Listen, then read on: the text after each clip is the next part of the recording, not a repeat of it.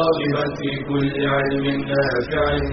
ينمو العلم ويتقدم بتقنياته ومجالاته ومعه نطور أدواتنا في تقديم العلم الشرعي. أكاديمية زاد. زاد أكاديمية ينبوعها صاف صاف ليروي غلة الظمآن. والسنة الغراء شارحة له. فهما لنا من ربنا وحيان. بشرى لنا زاد أكاديمية للعلم كالأزهار في البستان. بسم الله الرحمن الرحيم الحمد لله رب العالمين والصلاة والسلام على أشرف المرسلين نبينا محمد صلى الله عليه وعلى آله وصحبه وسلم تسليما كثيرا أما بعد سلام الله عليكم ورحمته وبركاته حياكم الله وبياكم وجعل الجنة مثوانا ومثواكم وفي لقاء متجدد في مادة الحديث الشريف ومع أكاديمية زاد الحديث السادس عشر أيها الأحبة. معنا اليوم حديث عظيم جدا وكل حديث رسولنا صلى الله عليه وسلم عظيمة. عن أبي هريرة رضي الله عنه قال قال رسول الله صلى الله عليه وسلم لا تسبوا أصحابي لا تسبوا أصحابي فوالذي نفسي بيده لو أن أحدكم أنفق مثل أحد ذهبا مثل أحد.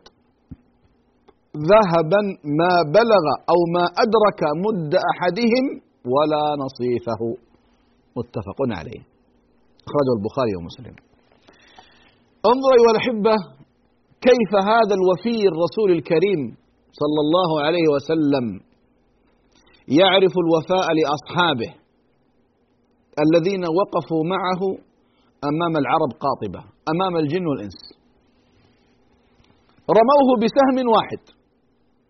فثبت رسول الله صلى الله عليه وسلم وثبت الصحابة معه رضوان الله عليهم وجالدوهم وقاتلوهم ونازلوهم وناجذوهم حتى نصر الله سبحانه وتعالى رسوله صلى الله عليه وسلم. يقول صلى الله عليه وسلم لا تسبوا أصحابي والذي نفسي بيده يقسم بالله سبحانه وتعالى لو أن أحدكم أنفق مثل أحد ذهبا هل يوجد على وجه الأرض أيها الأحبة من الذهب ما يوازي جبل أحد؟ أنا أشك في هذا قل مستحيل. لأن جبل أحد أيها الأحبة ثلاثة كيلو نصف في سبعة كيلو نصف ثلاثة كيلو نصف في سبعة كيلو نصف وعلماء الجيولوجيا يقولون أن الجبل الذي على على سطح الأرض آه الثلث والثلثين تحت تحت سطح الأرض. فالنبي صلى الله عليه وسلم انظر أيها الأحبة يقول لو أنفق والرسول صلى الله عليه وسلم ما يتكلم عن الهوى. إن هو إلا وحي يوحى. وإذا قال كلمة صلى الله عليه وسلم فهو الصادق الأمين. ثم هو يقسم بالله. يعني أرجو أيها, أيها الأحبة أن ندخل في ثنايا النص حتى نفهم النص حقيقة.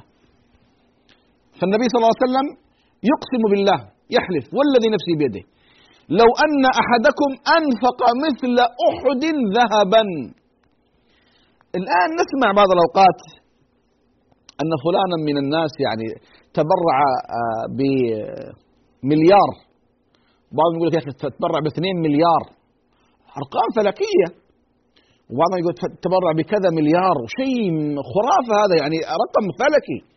العقول ما تتحمل هذا. و يعني الثناء والشكر ويعني كيف استطاع؟ والله لو دفع مئة مليار. مئة تريليون لن يأتي مثل هذا الحديث. يعني تخيلنا الآن جبل أحد كم فيه من الأطنان مليارات الأطنان من الذهب. كم كم يقدر ثمنها؟ كم يقدر ثمنها الآن؟ ثلاثة كيلو نصف في سبعة كيلو نصف كم يقدر وزن هذا الجبل الظاهر بس فوق الأرض؟ أنا يعني مليارات الأطنان مليارات الأطنان. ذهب. وأنفقت في سبيل الله. لن يأتي مثل لو أنفق واحد من الصحابة مدة أو نصف المد كما قال مد, مد أحدهم ولا نصيفة. المد أيها الأحبة كما ذكر المصنف ربع الصاع. يعني الصاع يتكون من أربعة أمداد فالمد أيها الأحبة ربع صاع. فقال مد أحدهم ولا نصيفه. يعني لا يمكن أيها الأحبة من النهاية من النهاية لا يمكن أن نصل إلى فضل الصحابة ومكانة الصحابة ولو أنفقنا أموال الدنيا كلها. من النهاية. هل تملك البشرية الآن يا إخواني؟ بكل ما عندها من تكنولوجيا وتقدر وتقدم وتقنية ها؟ هل هل يملكون ثمن قيمة ذهب مثل جبل أحد؟ لا يملكون. لا يملكون من النهاية ومع ذلك لو أنفق الواحد منا مثل أحد ذهب والله ما نصل إلى ما وصل إليه الصحابة رضوان الله عليهم. لا مد أحدهم ولا نصيفة. طبعا كان في المد بعض الأوقات آه، مثل الكفين هذه مد مد فهذا المد. فإذا أيها الأحبة حتى نعرف قدر الصحابة. أرجو أيها الأحبة أن نعيش الحديث حقيقة. أن نفهم الحديث. الرسول صلى الله عليه وسلم يقسم بالعظيم سبحانه. لو الواحد منا أنفق مثل أحد ذهب ما بلغ مد أحدهم ولا نصيفه. نحن آه، آه، ننفق ملايين الأطنان من الذهب ثم يأتي صحابي وينفق مدا من الشعير أو الحب فذلك المد وذلك الشعير من الحب أعظم عند الله من أطنان من مليارات الأطنان من الذهب. يعني من النهاية لا يمكن أن نصل إلى مرتبة الصحابة. لا يمكن أن نقترب من مرتبة الصحابة. لا يمكن أن ندنو شيئا يسيرا من مكانة الصحابة. فهمنا هذا الكلام أيها الأحبة؟ يا أمة محمد اعرفوا قدر أصحاب نبيكم صلى الله عليه وسلم. الذي لا ينطق عن الوحي عن الهوى إن هو إلا وحي يوحى صلى الله عليه وسلم. أعلمه الله عز وجل ببعض ما سيلقاه الصحابة بعد موته. ولذلك جاءت التوجيهات. لا تسبوا أصحابي. من أنتم؟ من أنا ومن نحن. حتى ننتقص من صحابة رسول الله صلى الله عليه وسلم. ماذا قدمنا للدين؟ والله لو قدمنا مهما قدمنا.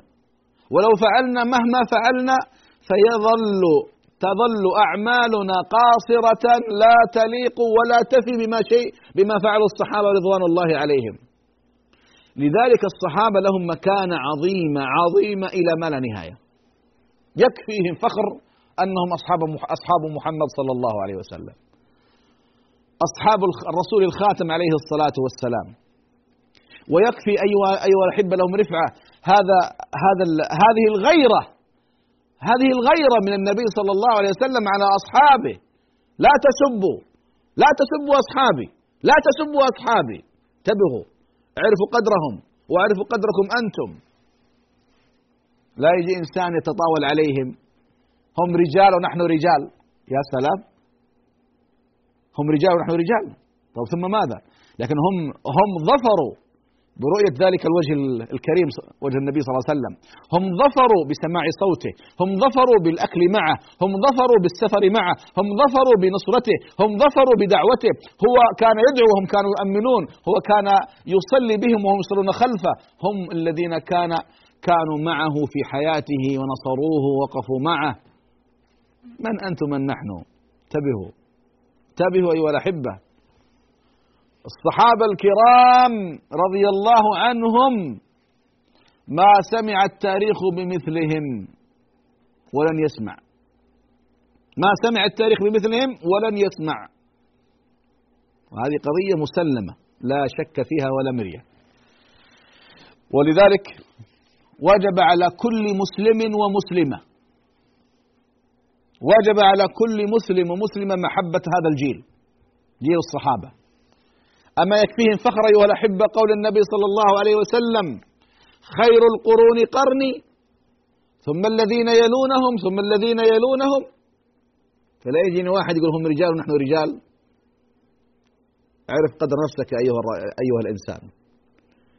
هم رجال قول وفعل واعتقاد. رجال بأفعالهم وقفاتهم وتضحياتهم رجال بما قدموه بما حملوه. رجال بتزكية الله لهم وتزكية رسول الله لهم صلى الله عليه وسلم. فلا يجي الإنسان يقارن نفسه بذلك الجيل الخالد الجيل العظيم جيل الصحابة رضي الله عنهم. لا لا لا لا. شتان بين مشرق ومغرب أصحاب رسول الله صلى الله عليه وسلم ظفروا بصحبته وهذه مرتبة عظيمة بعد مرتبة النبوة. خذوها. أعظم الخلق أيها الأحبة من البشر الأنبياء والرسل. هؤلاء في المرتبة الأولى. ما ما يقاربهم منزلة ولا مرتبة. ثم يأتي بعدهم من؟ يأتي بعدهم صحابة رسول الله صلى الله عليه وسلم بالعموم.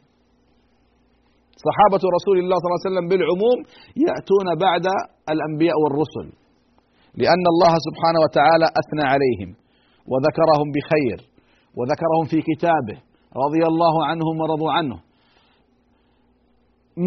نصوص كثيرة جدا أيها الأحبة في هذا الفضل.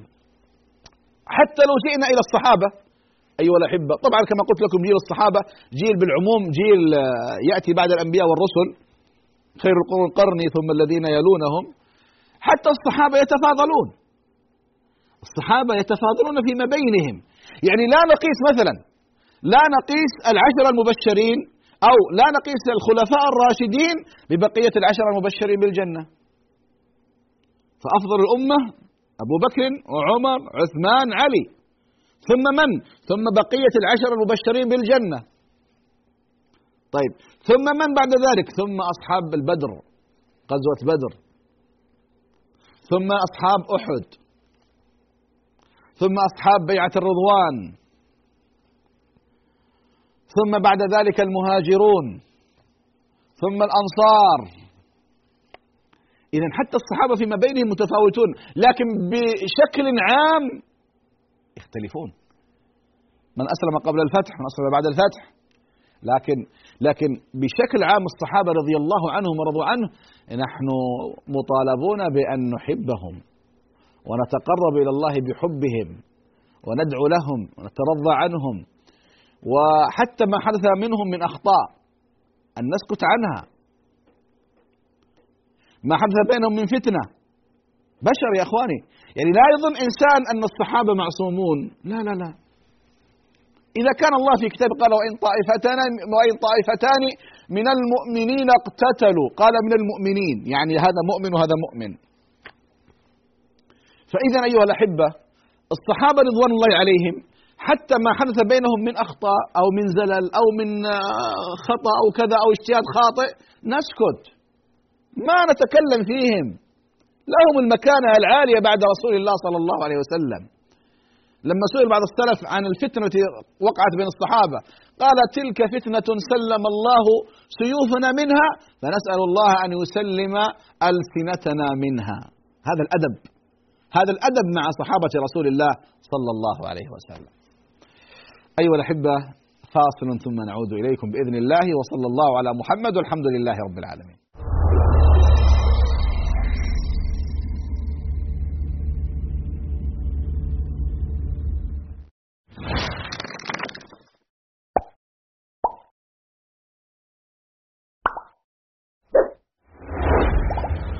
أسلمت عندما كان عمري أربعة عشر عاما. بفضل هذا الموقع كنت في قمة الضلال. وبفضل الله أولا ثم بفضل موقعكم. عدت إلى الله.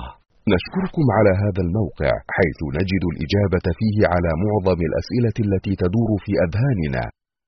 تعليقات تحكي قصص هداية من واقع الحياة.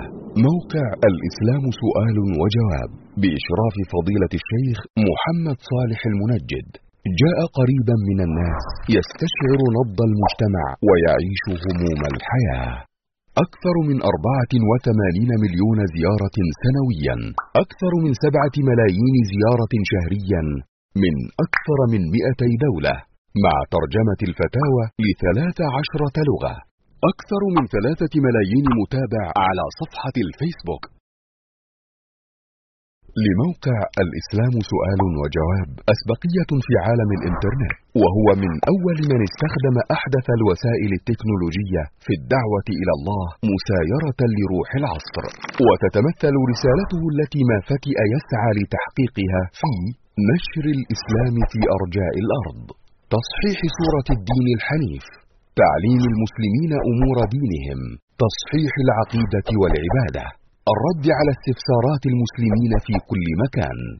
اعتمادا على رصيد ضخم من أقوال السلف وتراث غني لأئمة المذاهب الفقهية المعتمدة وفتاوى كبار العلماء في القديم والحديث. فالحمد لله على نعمه. قل هذه سبيلي أدعو إلى الله. على بصيرة أنا ومن اتبعني. موقع الإسلام سؤال وجواب علم ودعوة وزاد لمن أناب.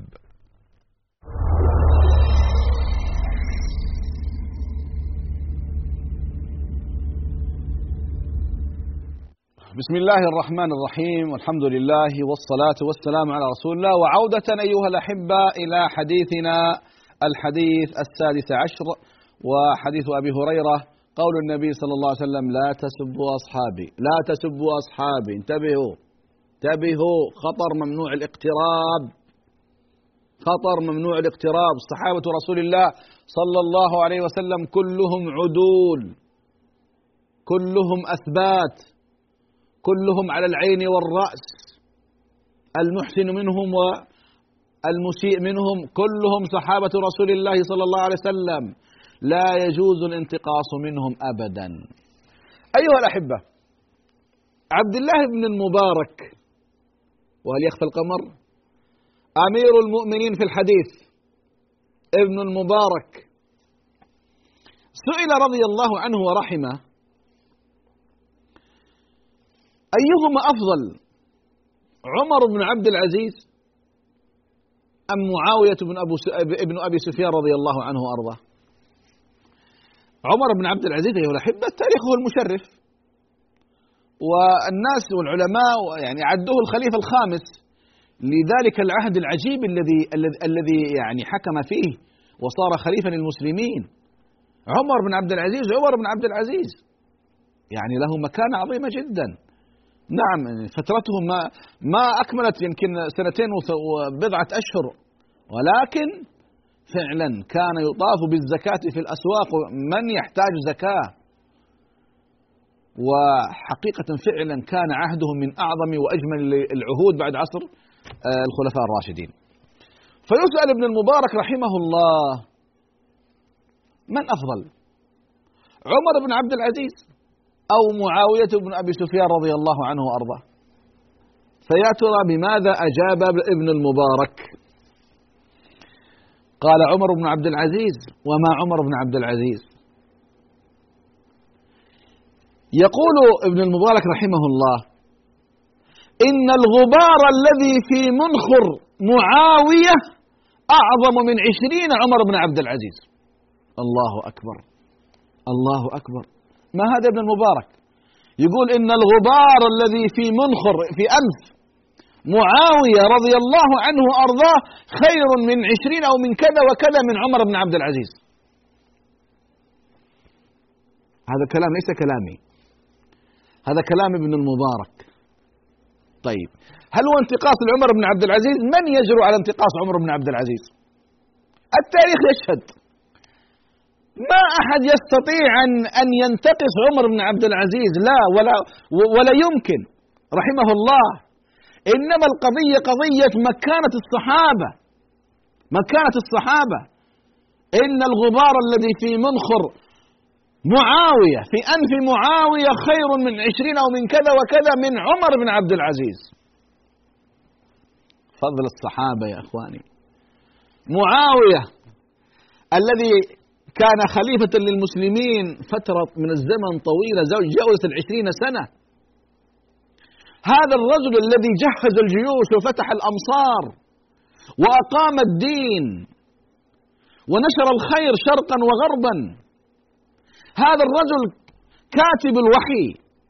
هذا الرجل خال المؤمنين. خال المؤمنين. أخته كانت مع النبي صلى الله عليه وسلم. أحبتي في الله يأتي بعد ذلك من ينتقص معاوية رضي الله عنه حتى من أهل السنة. أين عقولكم أين رشدكم؟ أيها الأحبة هذا من السفة.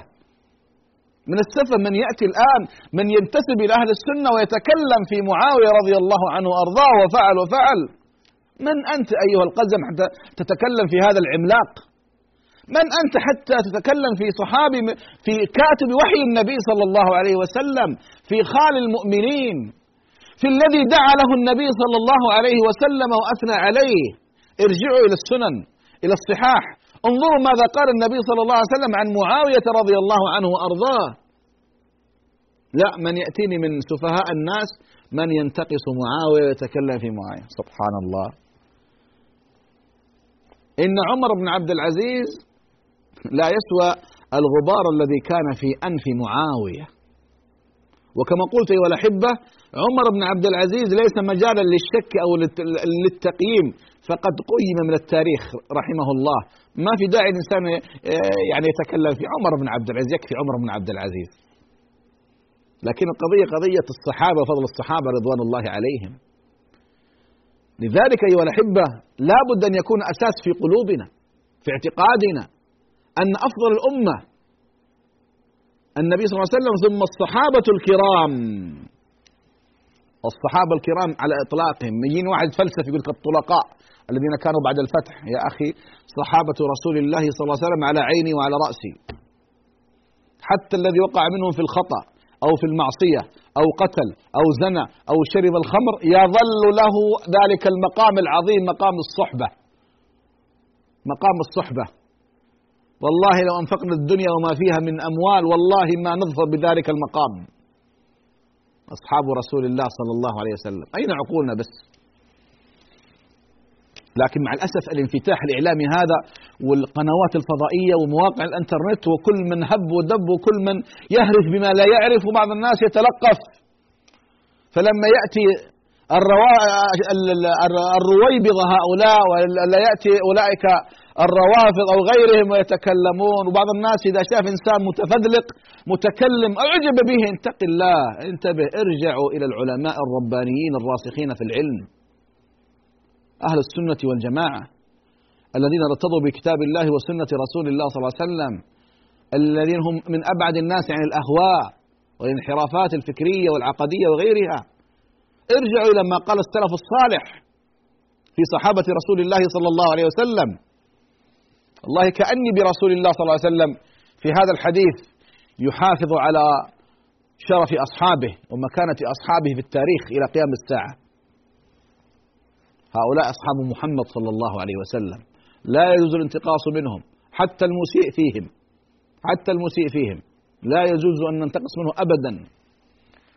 لذلك هذا مقام مقام شريف مقام الصحابة. اح انتبه. الصحابة رضوان الله عليهم بشر يخطئون ويصيبون ويقع منهم الخطأ. ولكن لا يجوز المساس بالعرض واحد فيهم أو أن ننتقصه. أو أن نتكلم فيه أو أن نلوكه بألسنتنا. لا لا لا لا. ماذا قدموا هم للنبي ونحن ماذا قدمنا للنبي صلى الله عليه وسلم؟ النبي صلى الله عليه وسلم كان أضعف ما كان في وقته.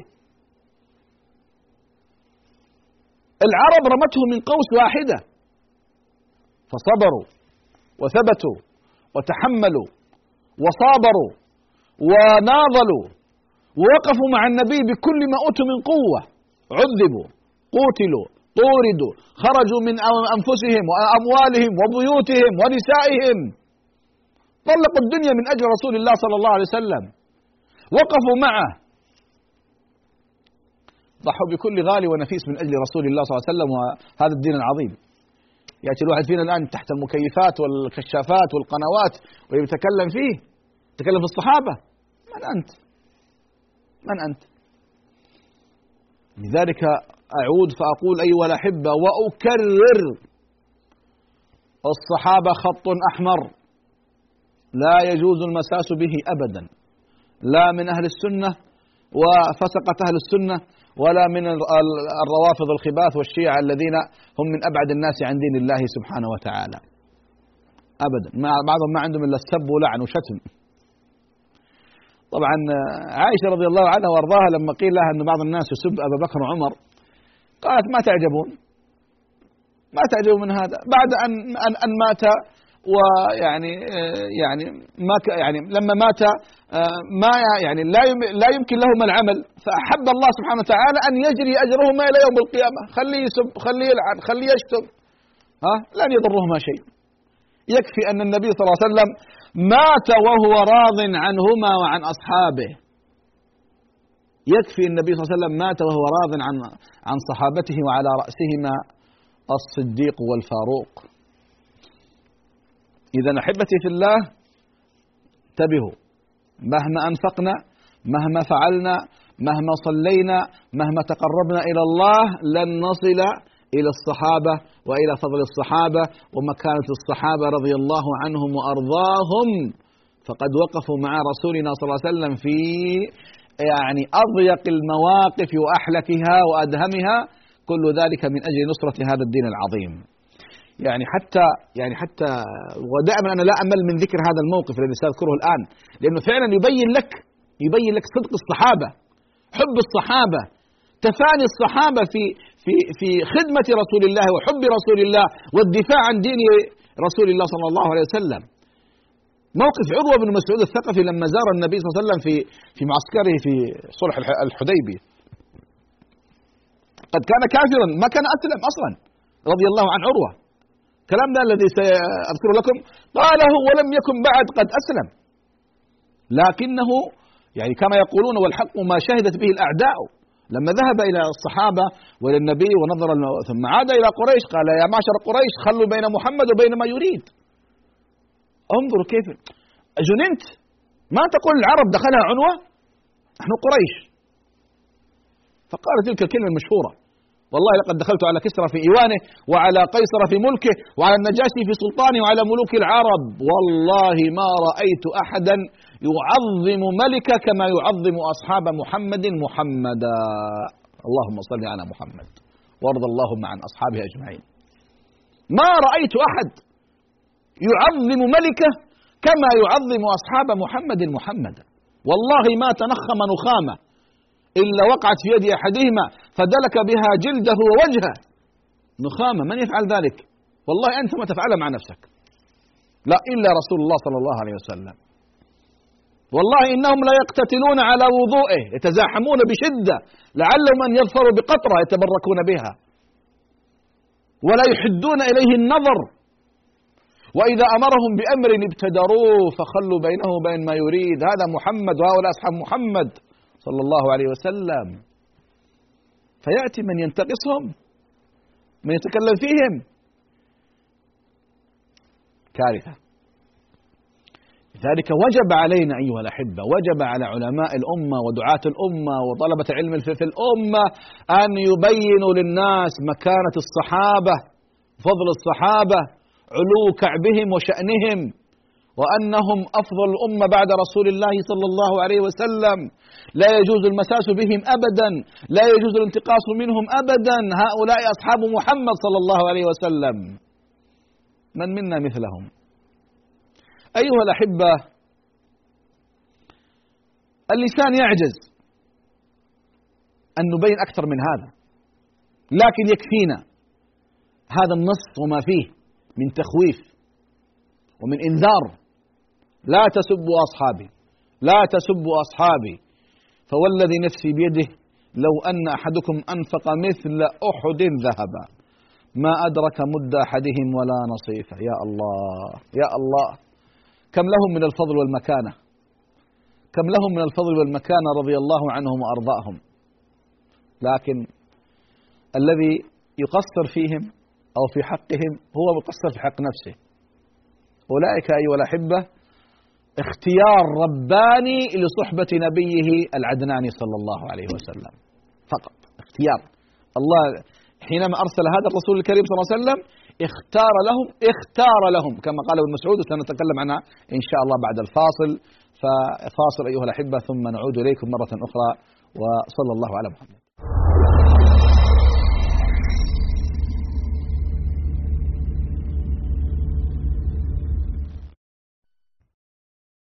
خلق الله الإنسان مدنيا بطبعه يألف ويؤلف وتكون العلاقات بين الناس يترتب عليه تأثير بعضهم ببعض. لذا قالوا الصاحب ساحب ومن جالس جانس وصار من جنس صاحبه. وقديما قال الشاعر عن المرء لا تسأل وسل عن قرينه فكل قرين بالمقارن يقتدي. وكثيرا ما يدور في أذهان المربين المخلصين. مجموعة من الأسئلة المتعلقة بأصدقاء الولد. مع من يمشي يا ترى؟ من هو صاحبه؟ من هو جليسه؟ ماذا يفعلون الآن؟ في أي شيء يشتركون؟ فقد ينشأ الولد بارا طائعا حسن الخلق فينقلب على إثر الصحبة والعلاقات عاقا عاصيا. سيء الطبع فاحش اللسان. لذا كان لزاما على المربي أن يتفحص علاقات أبنائه وبناته وألا يغفل عنها بحال وأن يؤسس في نفوس أولاده معنى العلاقة وعلى أي أساس تقوم وكيف يختارون أصدقاءهم. فليست القضية مجرد إلف وصحبة وإنما قضية دين وإيمان. عليها تنعقد المصائر يوم القيامة. فكل العلاقات والصداقات والزمالات الناشئة في الدنيا ستنقلب عداوة في الآخرة إلا ما كان منها مبنيا على تقوى من الله ورضوان. قال تعالى الأخلاء يومئذ بعضهم لبعض عدو إلا المتقين. فإذا رأى المربي صحبة خير دل عليها وشجعها ورعاها ودفعها إلى الطاعة وإذا رأى صحبة شر حذر منها وبين لأولاده سوء عواقبها وقبح نتائجها وذلك كله من طرف خفي لئلا يشعر الولد أنه مساق لا رأي له ولا اختيار. فإذا لاحظ المربي اتجاه الأبناء والبنات نحو تكوين الصداقات عبر وسائل التواصل الحديثة فمن الحسن توجيه هذه العلاقات للدعوة إلى الله. والتواصي بالحق والصبر والتزود من المعرفة واكتساب المهارات الجميلة ونشر العلم النافع كرفع مقال جميل وتشجيع كاتب متميز وغير ذلك. فإن من دل على خير فله مثل أجر فاعله.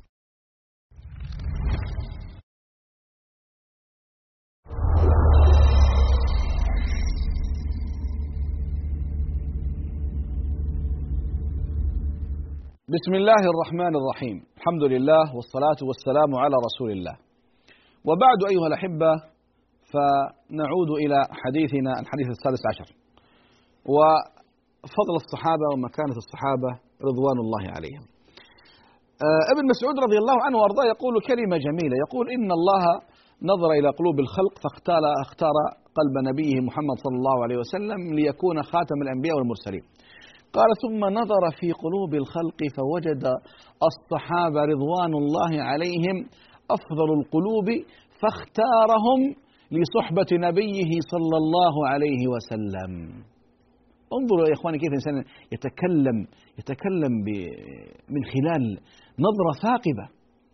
ترى يعني اختيار الصحابة يا إخواني ما كان ما كان اعتباطا ابدا. لما نقرأ عن حواري موسى عليه السلام وحواري عيسى عليه السلام ومن كانوا ثم نقارنهم بأصحاب النبي صلى الله عليه وسلم. يا إخواني أصحاب موسى اذهب أنت وربك فقاتلا انها هنا قاعدون. أصحاب موسى عليه السلام. وأصحاب عيسى آه، بعضهم هو هو الذي وشى به عند اليهود. تعال عند أصحاب محمد صلى الله عليه وسلم.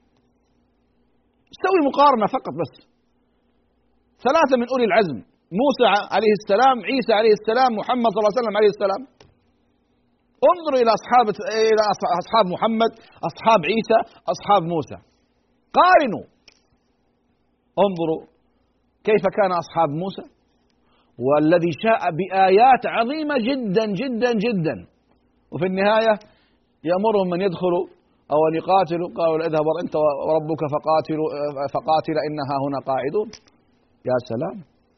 طب وأنا موسى بن عمران. أنا أرأيتكم هذه الآيات العظيمة. أغرقت فرعون أمامكم بأمر الله سبحانه وتعالى. ما تكفي هذه الآيات؟ عيسى عليه السلام أراهم من الآيات الشيء العظيم وبعد ذلك يعني لاقى من أصحابه ما لاقى. أما أصحاب رسولنا صلى الله عليه وسلم لا وألف لا. أصحاب النبي صلى الله عليه وسلم ضربوا أروع الأمثلة في الحب في الصدق في الوفاء في التضحية في العمل في, في كل شيء. في كل شيء. يعني حاول كذا أن تقرأ سيرة الصحابة رضي الله عنهم وأرضاهم ثم أخرج منهم بموقف فيه انتقاص. لا قدر الله للنبي صلى الله عليه وسلم. يا إخواني عمر لما بس راجع رسول الله صلى الله عليه وسلم في موضوع الحديبية وكيف نرجع يا رسول الله يقول فما زلت أعمل لذلك الموقف اعمالا من عتق ومن استغفار ومن صدقات بس لأنه كذا يعني راجع النبي ما خالف راجع النبي يا رسول الله يا رسول الله يا رسول الله. وعمر عمر الذي كان ينزل القرآن موافقا لكلامه. الصحابة رضوان الله عليهم لم يعرف التاريخ ولم تشهد الكتب أن أحدهم انتقص رسول الله بربع كلمة. ربع كلمة ما في. فضلا تكون كلمة. أبدا. أبدا. اقرأوا سيرة الصحابة. اقرأوا سيرهم. الحب التفاني الأدب. الخلق الحياء من الصحابة رضوان الله عليهم للرسول الكريم صلى الله عليه وسلم. الرسول يرسل الرجل ويخبره أنه سيموت سيقتل. سمعا وطاعة يا رسول الله. حبيب ابن زيد يرسله رسول الله صلى الله عليه وسلم لمقابلة مسيلمة وأخبرهم بماذا سيلقى. اصبر فيذهب. ويقطع ويمزق. إربا إربا وهو ثابت. في غزوة الخندق الرسول يقول من يأتيني بخبر القوم وأضمن له أن يعود؟ ما قام أحد. من يأتيني بخبر القوم وأضمن له أن يعود سالما والجنة؟ وما قام أحد. فيأتي الاختيار أين حذيفة؟ فينطلق حذيفة. لا يتردد لحظة. لما كانت القضية اختيار ما تقدم أحد لكن لما كان تكليف ما يتأخر أحد. ولو ولو قطع ولو مزق. لا لا. رسول الله صلى الله عليه وسلم ما ما يعود ولا ينقض. النبي صلى الله عليه وسلم لما جهز جيش أسامة ثم قبض ثم مات صلى الله عليه وسلم. فالصحابة قالوا لأبي بكر يعني كيف تمشي الجيش وأنت تعرف الوضع الآن ولا الناس من هناك يرتدوا من كذا؟ قال لا أنقض شيئا فعله صلى الله عليه وسلم. والله لو أن الكلاب يعني تعقبت أمهات المؤمنين أو أو كما قال ما رددت هذا الجيش. جيش يجهزه رسول الله والله ما أنقضه. وفعلا كان خروج الجيش من المدينة نصر الإسلام والمسلمين. قال المرجفون لو لم يكونوا أقوياء ما أخرجوا هذا الجيش العرمرم. ابدا. والله لو منعون عناقا أو عقالا كانوا يؤدونه لرسول الله لقاتلتهم عليه. هذا رسول الله منهج عقيدة. لا يجوز المساس به لا من قريب ولا من بعيد. ولذلك أقول أيها الأحبة هنا تميز الصحابة. أنهم خير جيل خرج للبشرية بعد الأنبياء والرسل فجعلهم الله رفقاء لنبيه صلى الله عليه وسلم. وبالتالي حملوا هذا الدين شرقا وغربا شمالا وجنوبا. يعني أنت أنظر من من مات من الصحابة بعد موت النبي صلى الله عليه وسلم؟ تجد أن غالبية الصحابة ماتوا في الأمصار. خرجوا. جهاد في سبيل الله تعليم أمر بمعروف نهي عن منكر خدمة هذا الدين. فتجد أنهم انتشروا في الأرض وحملوا هذا الدين ونشروه. وكان لهم طلاب وتلاميذ وهكذا وهكذا وهكذا. إذا الصحابة الكرام يا إخواني ها؟ عرض لا يجوز المساس به. لا يستباح ابدا. لا ينتقص ابدا. إنهم أصحاب محمد صلى الله عليه وسلم. خذ الموقف الطريف الجميل هذا. رجل من التابعين اسمه يزيد بن الأسود. وكان هذا من العباد وكان هذا من الصالحين. وكان معاوية رضي الله عنه وأرضاه إذا خرجوا للاستسقاء يقدم يزيد بن الأسود. يا يزيد استسقي بنا. استسقي لرب العالمين بنا على الله أن أن يغيثنا. آه، لما آه، جاءته سكرات الموت زاره أحد الصحابة. ألا وهو؟ واثلة بن الأسقع رضي الله عنه وأرضاه. فدخل يزور يزيدا. وكان يزيد كفيف البصر. فلما أمسك يده يزيد أخذ يشمها ويقبلها ويمسح بها وجهه ويمسح بها صدره ويضمها إلى إلى صدره ثم يشمها ثم يقبلها. تعرفون لماذا؟ لأن هذه اليد مست يد رسول الله صلى الله عليه وسلم. لأن هذه اليد يد واثلة رضي الله عنه صافحت رسول الله صلى الله عليه وسلم. إذا كان الجلد الذي مس جلد رسول الله يفعل به هذا. فكيف رسول الله صلى الله عليه وسلم؟ فيقول واثل رضي الله عنه يقول يا يزيد كيف ظنك بربك؟ فيقول حسن فكبر واثلة وكبر أهل البيت بتكبيره. قال سمعت رسول الله صلى الله عليه وسلم فيما يرويه عن ربه أن الله سبحانه وتعالى يقول أنا عند ظن عبدي بي. إن ظن بي خيرا فله وإن ظن بي شرا فله. شاهدي أيها الأحبة انظروا إلى هذا التابعي الجليل ماذا صنع بيد واثلة رضي الله عنه وأرضاه تلك اليد التي مست يد رسول الله صلى الله عليه وسلم. هنيئا لهم رضي الله عنهم أجمعين. صحابة رسول الله صلى الله عليه وسلم. ولذلك الصحابة كلهم عدول. طيب سؤال ايها الاحبه قبل أن نختم لقاءنا. ما حكم من سب صحابة رسول الله صلى الله عليه وسلم؟ هذا سؤال مهم. ما حكم من سب الصحابة رضي الله عنهم وأرضاهم؟ من انتقص من الصحابة؟ فقد أتى بكبيرة من الكبائر وبفاحشة من الفواحش. وحرام عليه هذا الفعل لا هناك من العلماء أيها الأحبة من رأى كفر من سب الصحابة أو لعنه أو لعنهم أو انتقدهم بمثل ما سمعنا أيها الأحبة أو قرأنا. هناك من العلماء من كفر من كفر من سب الصحابة أو لعنهم. اذا قضية ترى خطيرة جدا. طيب سب الصحابة رضي الله عنهم والطعن فيهم إن كان مما يخالف الأدلة القطعية فكفر. هذا إجماع. بمعنى أن الذي يخالف الأدلة القطعية هو كافر. مثل الذين يطعنون في عرض رسول الله صلى الله عليه وسلم في في عائشة رضي الله عنها. الذين يطعنون في عائشة ويتهمونها بالتهم الباطلة التي برأها الله في منها في القرآن هؤلاء كفرة. كفرة كفرة. عليهم من الله ما يستحقون. لعائن الله تترى إلى يوم القيامة. القرآن يبرئها ويمدحها ويثني عليها وأولئك أهل الانحراف والكفر والزندقة ما زالوا إلى هذا اليوم يتهمونها بالفاحشة والزنا والعياذ بالله. هؤلاء كفرة كفرة ومن يلعنها كافر. كافر بالإجماع. مثل من يزعم أن القرآن ناقص. من زعم أن القرآن ناقص فهو كافر خارج من الملة. لأن الله أثبت في القرآن الكريم إنا نحن نزلنا الذكر وإنا له لحافظون.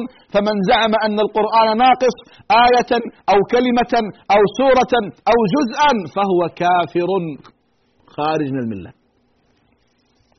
وكذلك من طعن في عائشة رضي الله عنها وأرضاها كافر زنديق. كافر زنديق خارج من الدين بالكلية. ومن يلعن الصحابة رضي الله عنهم وخاصة أبو بكر وعمر. كما قلت هناك طائفة من العلماء يكفرونهم وأنا أميل إلى هذا. وأنا أميل إلى هذا أن من من من من لعن الصديق والفاروق وكبار الصحابة فهو كافر زنديق. ما فيها مجاملة هذه. ما فيها مجاملة. ممكن ممكن نجامل في أشياء بسيطة لكن هذه القضية لا. ما فيها مجاملة أبدا ولعنة الله على من لعن الصديق والفاروق إلى يوم القيامة. ما عاد بقي إلا كبار الصحابة نسكت. إلا يقول لك التقارب وما التقارب. ما في تقارب كلام فاضي التقارب. إنسان يخالفك اعتقادا يخالف كتاب الله وسنة رسول الله ما في تقارب أصلا. تاريخ يشهد 1400 سنة تشهد. 1400 سنة تشهد بهذا. لا يمكن أن نتقارب أبدا. نتقارب وفق الكتاب والسنة على العين والرأس. تعالوا إلى كلمة سواء. كتاب الله وسنة رسول الله. غير كذا ما في. رضي الله عن صحابة رسول الله صلى الله عليه وسلم. لهم الكرامة لهم المكانة لهم التقدير والتبجيل رضي الله عن كبيرهم وصغيرهم. وعلى من يعاديهم وينتقص منهم نسأل الله أن يكافيه بما هو أهله. أسأل الله عز وجل أن يوفقنا وإياكم لكل خير وأن يجعل أعمالنا خالصة لوجهه الكريم وأن يستعملنا في نصرة كتابه وسنة نبيه صلى الله عليه وسلم. اللهم اغفر لنا وارحمنا وعافنا واعف عنا وأصلح نياتنا وذرياتنا وصل اللهم على محمد وعلى آله وصحبه وسلم والحمد لله رب العالمين. يا راغبا في كل علم نافع. متطلعا لزيادة الإيمان. وتريد سهلا النوال ميسرا يأتيك ميسورا بأي مكان. زاد زاد أكاديمية ينبوعها صاف صاف ليروي غلة الظمآن والسنة الغراء شارحة له. فهما لنا من ربنا وحيان. بشرى لنا ذات أكاديمية للعلم كالأزهار في البستان.